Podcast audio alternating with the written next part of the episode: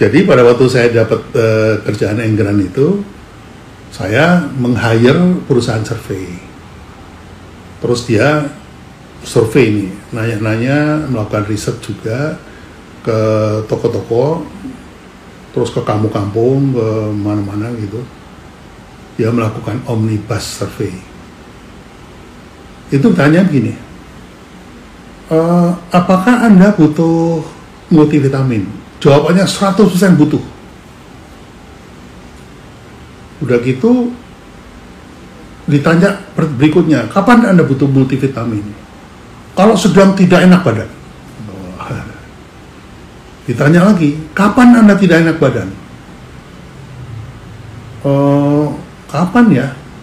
Wah, saya nggak bisa menentukan ya kapan-kapan lah. Kalau udaranya panas, sakit kepala. Kalau lagi musim dingin saya uh, masuk angin. Ya itu kapan? Ya nggak tahu kapan-kapan.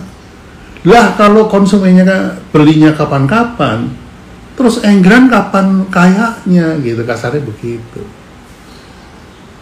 Nah karena kapan-kapan ini kemudian di uh, di apa namanya dijadikan sesuatu yang pasti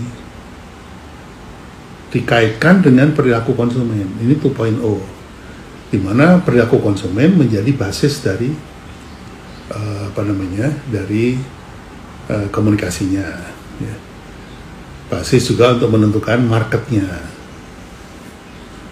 Jadi kalau engran disebut sebagai sarapan kedua, maka sudah pasti siap habis sarapan, berikutnya sarapannya adalah engran. Maka jadi menjadi ada jaminan bahwa akan dimakan setiap hari. Yang tadinya kapan-kapan menjadi setiap hari.